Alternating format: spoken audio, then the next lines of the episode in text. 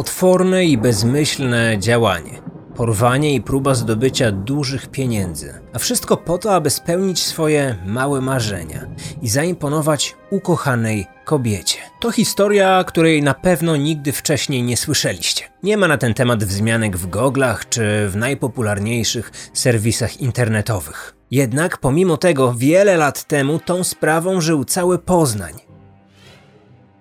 W starej prasie znalazłem nawet zdjęcie z procesu, a to najlepszy dowód na to, że o tej sprawie było bardzo, bardzo głośno. Pamiętacie, gdy w jednym z poprzednich odcinków wspominałem o skazańcach, którzy zostali straceni i pochowani w Poznaniu?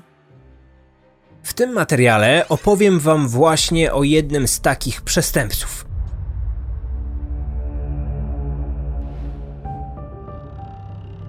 Sprawy kryminalne zazwyczaj możemy podzielić na dwie kategorie. Takie, kiedy wszystko zaczyna się od znalezienia zwłok, oraz takie, kiedy śledztwo zaczyna się od zaginięcia osoby. W przypadku tej drugiej kategorii, bliscy zaginionej osoby mają cały czas nadzieję na to, że sprawa zakończy się szczęśliwie, że zaginiona osoba wróci do domu cała i zdrowa, pomimo tego, że wszystkie sygnały wskazują na to, że najprawdopodobniej tak się nie stanie. Sprawa z tego odcinka także zaczęła się od zaginięcia, zaginięcia dziecka.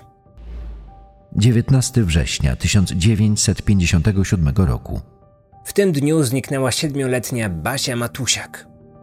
Tutaj zaznaczę od razu, że to nazwisko Matusiak zostało przeze mnie wymyślone. Stwierdziłem, że w ten sposób będzie nam łatwiej opowiedzieć całą historię niż posługując się jedynie inicjałem. Dziewczynka zawsze wracała do domu zaraz po szkole. Tego dnia tak się jednak nie stało. Skończyła lekcję przed południem, powoli dochodziła pora obiadu. Jej rodzice zaczęli się coraz bardziej niepokoić. Jeszcze tego samego dnia, zaledwie kilka godzin później, zaginięcie Basi zgłoszono na milicji. Rodzice podejrzewali, że dziewczynka została porwana. Koleżanki Basi opowiedziały, że gdy wspólnie wyszły ze szkoły, to podszedł do nich pewien nieznany mężczyzna. Żadna z nich go nie znała, był dosyć młody, mógł mieć od 20 do 25 lat, był szczupły i wysoki. Najpierw zapytał dziewcząt, która z nich ma na imię Basia, a gdy mu ją wskazano, złapał ją za rękę i powiedział: Mamusia jest u cioci Magdy, bo Jacuś jest chory. Nikogo nie ma w domu, więc chodźcie ze mną do Jacusia. Te słowa, których użył, pretekst, jaki wykorzystał, dostarczyły na jego temat wiele informacji. Najwidoczniej nie znał Basi albo nie był pewny, jak wygląda. W innym wypadku nie musiał pytać by dziewcząt, która z nich to właśnie ona. Jednak musiał znać rodzinę Basi, bo wykorzystał prawdziwe imiona Magdy i Jacusia. To byli jej krewni, to była ciocia i kuzyn Basi. Pewnie przez to też nabrała zaufania i poszła z tym mężczyzną. Te dwie siedmiolatki, które były świadkiem tej sytuacji, sugerowały, że Basia tego mężczyznę raczej nie znała, albo przynajmniej nie miała z nim bliskiej relacji. Przez to, że wykorzystał znane Basi imiona, zdołał uśpić czujność zarówno porwanej dziewczynki, jak i jej koleżanek. Warto zaznaczyć, że Basia pochodziła z dosyć zamożnej rodziny. W związku z tym, jedną z takich głównych e, hipotez, które przyjęto w tym śledztwie, było to, że dziewczynka została porwana dla okupu. W tym samym czasie, gdy rodzice Basi zgłaszali jej zaginięcie na milicji, w domu państwa Matusiaków rozległ się dźwięk telefonu. Słuchawkę odebrała kobieta, która była tam zatrudniona jako pomoc domowa. Usłyszała głos mężczyzny. Poinformował on, że kontaktuje się w sprawie Basi. Był to więc prawdopodobnie porywacz. Kobieta odpowiedziała wtedy, że matka dziewczynki jest właśnie na milicji, bo zgłasza zaginięcie córki, ponieważ ta nie wróciła ze szkoły do domu. Mężczyzna oświadczył, że w takim razie zadzwoni później. Wskazał godzinę 17 jako ponowną próbę podjęcia kontaktu, po czym rozłączył się. Wszystko wskazywało na to, że do Matusiaków zadzwonił porywacz, a jeżeli tak było, to cały czas istniała nadzieja, że cała sytuacja zakończy się szczęśliwie. Może rodzice, milicja w jakiś sposób dogada się z porywaczem, przekaże mu pieniądze i dziewczynka wróci cała i zdrowa do domu. Matusiakowie oczywiście mieli taką nadzieję. Niestety, ten mężczyzna o 17 już nie zadzwonił i nigdy więcej nie skontaktował się z rodziną.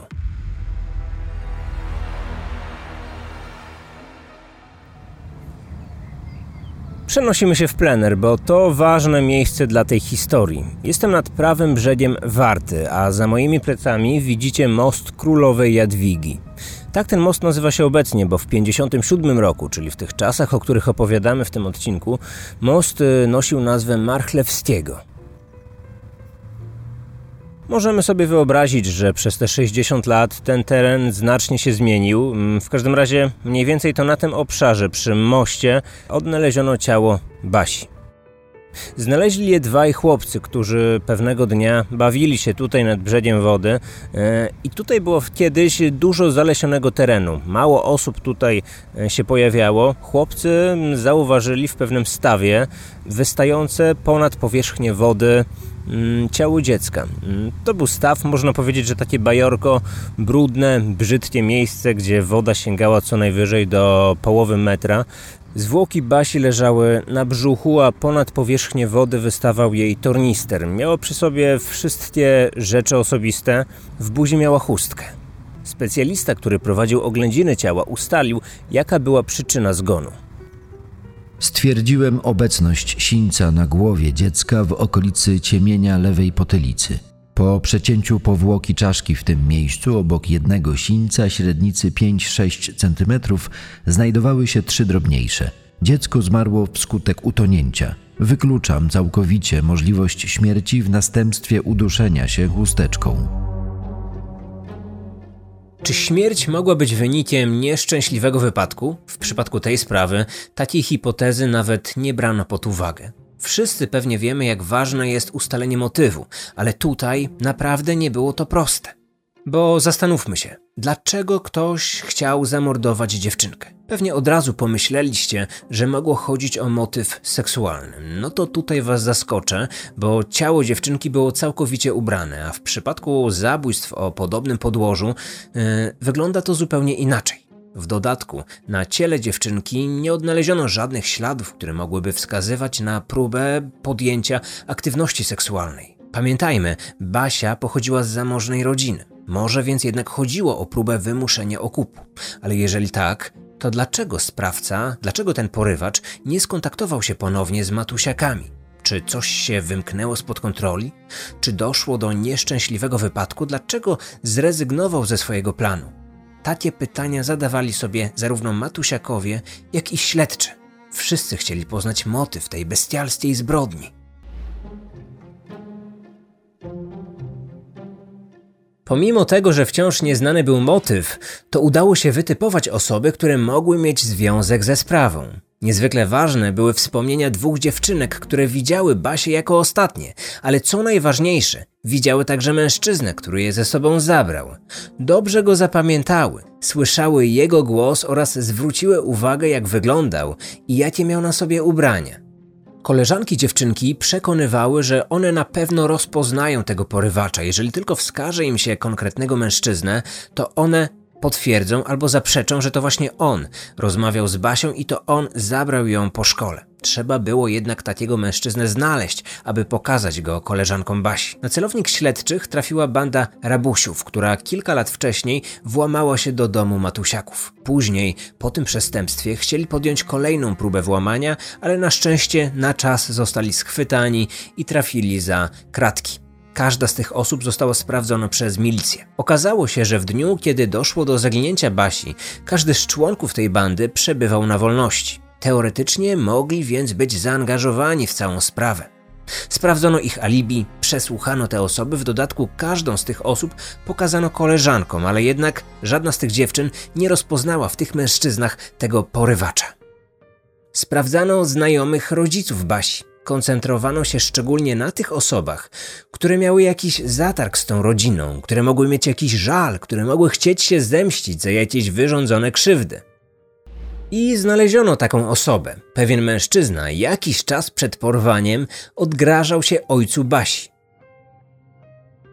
Gdy odnaleziono ciało, ten wytypowany przez śledczych mężczyzna e, starał się zebrać jak najwięcej informacji o całej sprawie i dyskutował na temat zachowania sprawcy. To wydawało się bardzo podejrzane i na podstawie tych informacji można było wnioskować, że to może on jest porywaczem i zabójcą. Był jednak pewien problem. Ten mężczyzna kompletnie nie pasował do rysopisu, który podały dwie koleżanki Basi. Przede wszystkim był znacznie starszy. Jednak do odebrania dziecka spod szkoły mógł przecież kogoś wynająć, mógł mieć wspólnika. I ten podejrzewany mężczyzna miał pewnego znajomego, który według ustaleń śledczych mógł być właśnie tym pomocnikiem. On z kolei pasował do profilu sprawcy. Wielokrotnie siedział w więzieniu, miał kryminalną przeszłość, był znany w środowisku przestępczym. Jego znajomi określali go nawet jako osobę, która nie ma żadnych zahamowań, nie ma żadnych barier. Co więcej, miał nawet pseudonim w środowisku Mazurkiewicz. Był to pseudonim zaczerpnięty od pewnej postaci z Krakowa. Chodzi tu oczywiście o eleganckiego mordercę, pięknego Władzia lub mordercę z kwiatkiem. Różnie tego zabójcę się nazywało.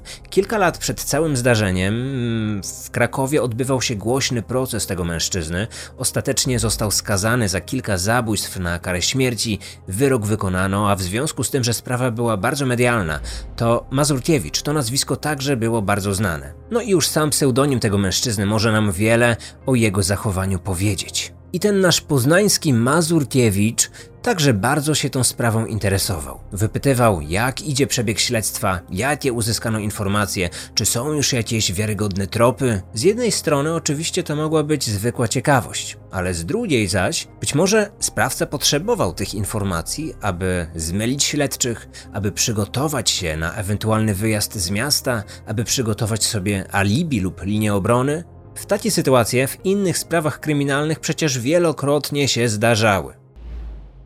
Podejrzenia względem tego starszego mężczyzny, który groził panu Matusiakowi oraz jego potencjalnego pomocnika były na tyle mocne, że zostali oni aresztowani. Jednak po sprawdzeniu tych osób, po przesłuchaniach, po sprawdzeniu alibi, uznano, że zarówno ten starszy mężczyzna, jak i ten młodszy nie mieli żadnego związku ani z zaginięciem, ani ze śmiercią dziewczynki. W dodatku koleżanki Basi także nie rozpoznały w żadnym z nich porywacza. Śledztwo utknęło więc w martwym punkcie na dwa miesiące. Były zwłoki, byli świadkowie, byli nawet podejrzani, ale co z tego, skoro prawdziwego sprawcy nie udało się wytypować? Przełom nastąpił dopiero dwa miesiące po zabójstwie, po porwaniu dziecka, kiedy to milicjanci wzięli na swój celownik pewnego młodego mężczyznę. Chodzi o Zbigniewa K.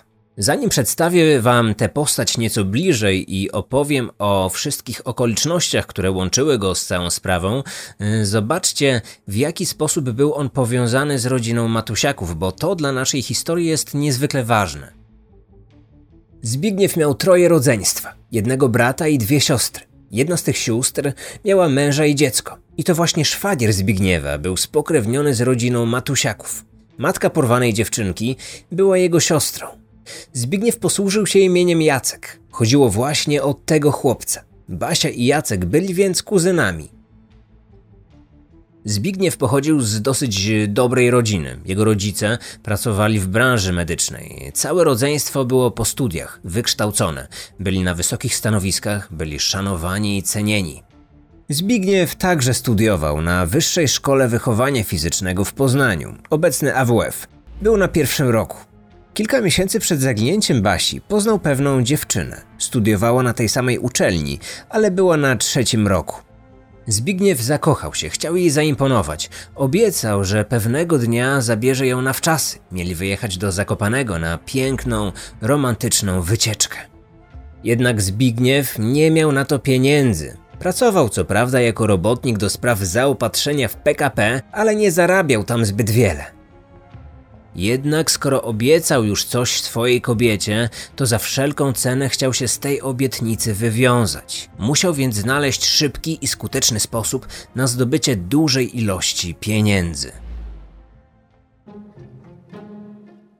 Zachowanie Zbigniewa w ostatnich miesiącach było lekko mówiąc hmm, podejrzane. Bardzo się zmienił po tym, gdy doszło do śmierci dziecka. Wszystko wskazywało na to, jakby bardzo przeżywał całą sytuację. Oczywiście z jednej strony możemy powiedzieć, że to normalne, no bo jednak śmierć takiego dziecka w takich okolicznościach na każdym zrobiłaby wrażenie, a Zbigniew był jednak w jakiś sposób powiązany z rodziną Matusiaków. Jednak z drugiej strony, e, od całej sytuacji minęły już dwa miesiące, a Zbigniew nie miał jakichś szczególnych relacji z tą dziewczynką. On widział ją może dwa albo trzy razy w życiu. Jednak pomimo tego, po śmierci Basi niezwykle schudł, przestał się odzywać. Jego znajomi sugerowali wręcz, że zmienił się nie do poznania, że to był zupełnie inny człowiek. Był bardzo przygnębiony. Dlaczego śmierć e, właściwie tej nieznanej mu dziewczynki tak bardzo na niego wpłynęła, tak bardzo odbiła się na jego psychice, na jego zachowaniu? Ale to nie wszystko. Odnaleziono także inne elementy, które były bardzo podejrzane. Jego znajomi zeznali, że zaczął interesować się medycyną sądową. Wypożyczał nawet z uczelnianej biblioteki specjalistyczne książki na ten temat i wdawał się w dyskusje ze studentami prawa. Rozmawiali o okolicznościach śmierci i o jej następstwach. Zbigniew miał o tym jakieś pojęcie. Dodam również, że medycyna sądowa nie była przedmiotem, który Zbigniew musiał przyswoić w ramach e, swoich studiów. Interesował się tym w wolnym czasie. Pytanie tylko, dlaczego? Dlaczego ten temat tak bardzo go interesował? Z czasem pojawiało się coraz więcej elementów, które łączyły go z całą sprawą. Przede wszystkim jego wygląd. Miał 25 lat, był chudy, wysoki. Dokładnie takiego mężczyznę opisywały koleżanki Basi. Dodatkowo, on dobrze wiedział o relacjach panujących w rodzinie Matusiaków. Co więcej, był jedną z nielicznych osób, która wiedziała o tym, że ten chłopczyk, o którym wspomniał, jest chory. I właśnie w ten sposób zdobył zaufanie dziewczynki, że wiedział tak wiele o ich rodzinie.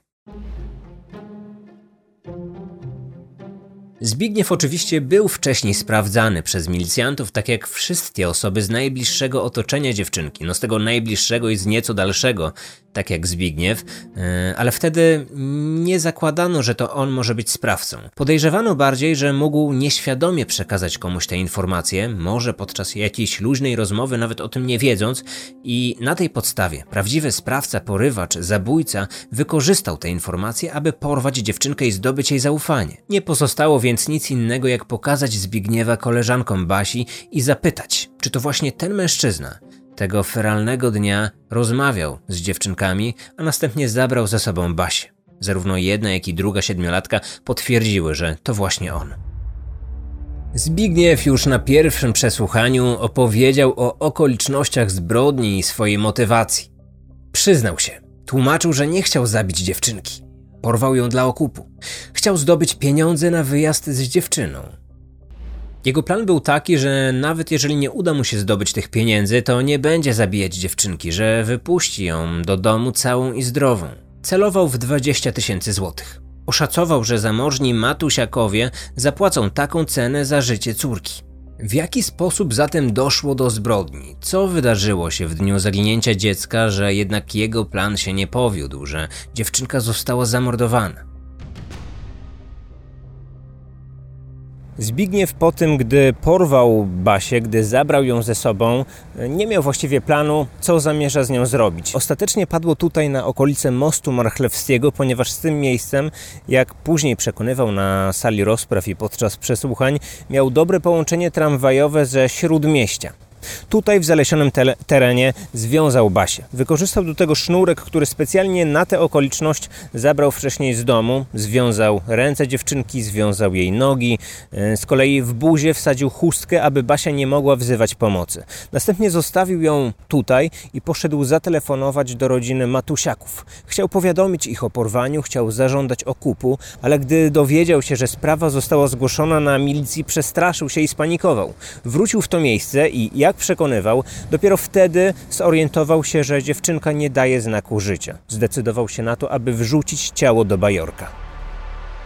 Pamiętacie pewnie, że podczas oględzin zwłok specjalista znalazł na głowie Basi obrażenia. Zbigniew tłumaczył, że uderzył dziewczynkę kilka razy w głowę, dlatego, ponieważ e, jej górna część ciała razem z głową był, unosiła się ponad powierzchnię wody w tym bajorku i on w ten sposób chciał ją bardziej ukryć na, w całej tej przestrzeni. Po wszystkim, gdy już zostawił ciało dziewczynki w bajorku, wrócił spokojnie do domu, jak gdyby nigdy nic, oświadczył domownikom, że właśnie wrócił z pracy. Most królowej Jadwigi, albo most Marchlewskiego, tak jak się kiedyś nazywał, jest także związany z inną, bardzo głośną i ważną dla tego regionu sprawą kryminalną. Mam tu na myśli postać zimnego chirurga, czyli Edmunda Kolanowskiego. Ten przestępca właśnie z tego mostu wrzucił do rzeki torebkę jednej ze swoich ofiar. Tym samym wprowadził wszystkich w błąd, ponieważ śledczy, jak i rodzina myśleli, że kobieta utonęła. Być może popełniła samobójstwo lub zmarła w wyniku nieszczęśliwego wypadku, w każdym razie, że zwłoki tej kobiety znajdują się w rzece. Prawda była zupełnie inna, ponieważ Edmund Kolanowski ukrył ciało wiele kilometrów dalej. Ostatecznie tych zwłok nigdy nie udało się odnaleźć, jednak Edmund i tak za te zbrodnie został skazany. Temat Edmunda Kolanowskiego od wielu lat interesuje także mnie oraz pisarza i podcastera Michała Larka. Dlatego wspólnie zdecydowaliśmy się na to, aby w kilkugodzinnej opowieści w reportażowej serii przedstawić dokładnie kulisy tej sprawy. Proces Zbigniewa odbywał się na początku 1958 roku. Powiem wam, że ja nigdy wcześniej o tej sprawie nie słyszałem, a mimo wszystko interesuję się tematyką kryminalną, a szczególnie sprawami z mojego regionu, to o tej historii nie wiedziałem. Trafiłem na ten temat przez zupełny przypadek, gdy przeglądałem stare opracowania milicyjne i w jednym z takich tekstów opisano właśnie kulisy tego śledztwa. Postanowiłem więc sprawdzić, jak to wyglądało w archiwalnej prasie, ale raczej nie spodziewałem się, że był to głośny temat. I bardzo się pomyliłem. Okazało się, że lokalne dzienniki relacjonowały temat szczegółowo. Opisywano każdy dzień rozprawy. Wertując tę archiwalną prasę w bibliotece, odnalazłem nawet zdjęcia z procesu. To Zbigniew K. Zdjęcie zrobiono, gdy wchodził na salę w eskorcie milicjantów, a to dowody rzeczowe, które leżały na stole sędziowskim. Sukienka Basi, buciki i jej szkolny tornister. W pierwszy dzień rozprawy sala sądowa była pełna. Publiczność zebrała się, aby zobaczyć tego zwyrodnialca, że aby zobaczyć mordercę, aby uczestniczyć w tym, w tym jakże ważnym dla całego miasta wydarzeniu. Wśród publiczności było wiele zapłakanych kobiet, które nie mogły uwierzyć, jak wielkie bestialstwo spotkało tę niewinną dziewczynkę. Wśród nich była także matka Zbigniewa.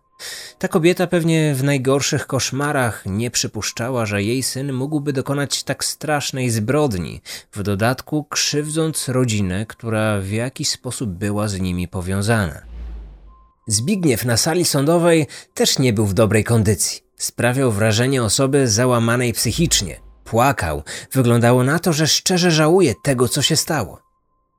Co ciekawe, Zbigniew już wcześniej próbował porwać dziecko matusiaków dla okupu. Chodziło o młodszego brata Basi. Gdy chłopiec był na podwórku, podszedł do niego i zakomunikował, że ma dla niego prezencik, ale wręczy mu go dopiero wtedy, gdy chłopiec zdecyduje się, aby z nim pójść. Dziecko, pomimo młodego wieku, nie dało się oszukać. Chłopiec pamiętał pewnie o ostrzeżeniach rodziców, aby nigdy nie rozmawiać z nieznajomymi, a już tym bardziej nie oddalać się z takimi osobami. Po powrocie do domu chłopczyk oczywiście o wszystkim powiedział rodzicom, ale nikt nie przypuszczał, że ten sam sprawca za jakiś czas wyciągnie wnioski, znajdzie lepszy pretekst i uprowadzi starsze z dzieci. Podczas procesu Zbigniew zeznał, że gdyby udało mu się uprowadzić chłopca, to planował zamknąć go w lochach Cytadeli. Tam miał go przetrzymywać i w tym czasie miał ustalić szczegóły przekazania okupu.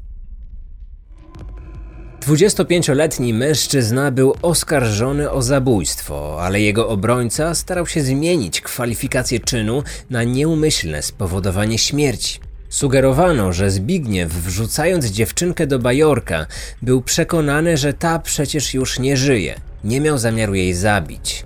Śmierć była wynikiem nieszczęśliwego wypadku, a nie planowanym działaniem. Jednak ta linia obrony okazała się nieskuteczna i sąd skazał Zbigniewa na najwyższy wymiar kary, na karę śmierci. Proces odbywał się w trybie doraźnym i w związku z tym mm, Zbigniew e, miał tylko jedyną szansę na to, aby uciec przed śmiercią, aby darowano mu życie, a mianowicie było to ułaskawienie przez Radę Państwa. Ale ta nie skorzystała z prawa łaski. Porywacz i zabójca Basi został stracony pod koniec stycznia 1958 roku. Pochowano go na Miłostowie, czyli na tym samym cmentarzu, na którym 30 lat później na swoje cmentarne nocne łowy wychodził Edmund Kolanowski, czyli nekrofil z Poznania lub zimny chirurg. Ten sprawca ma wiele pseudonimów.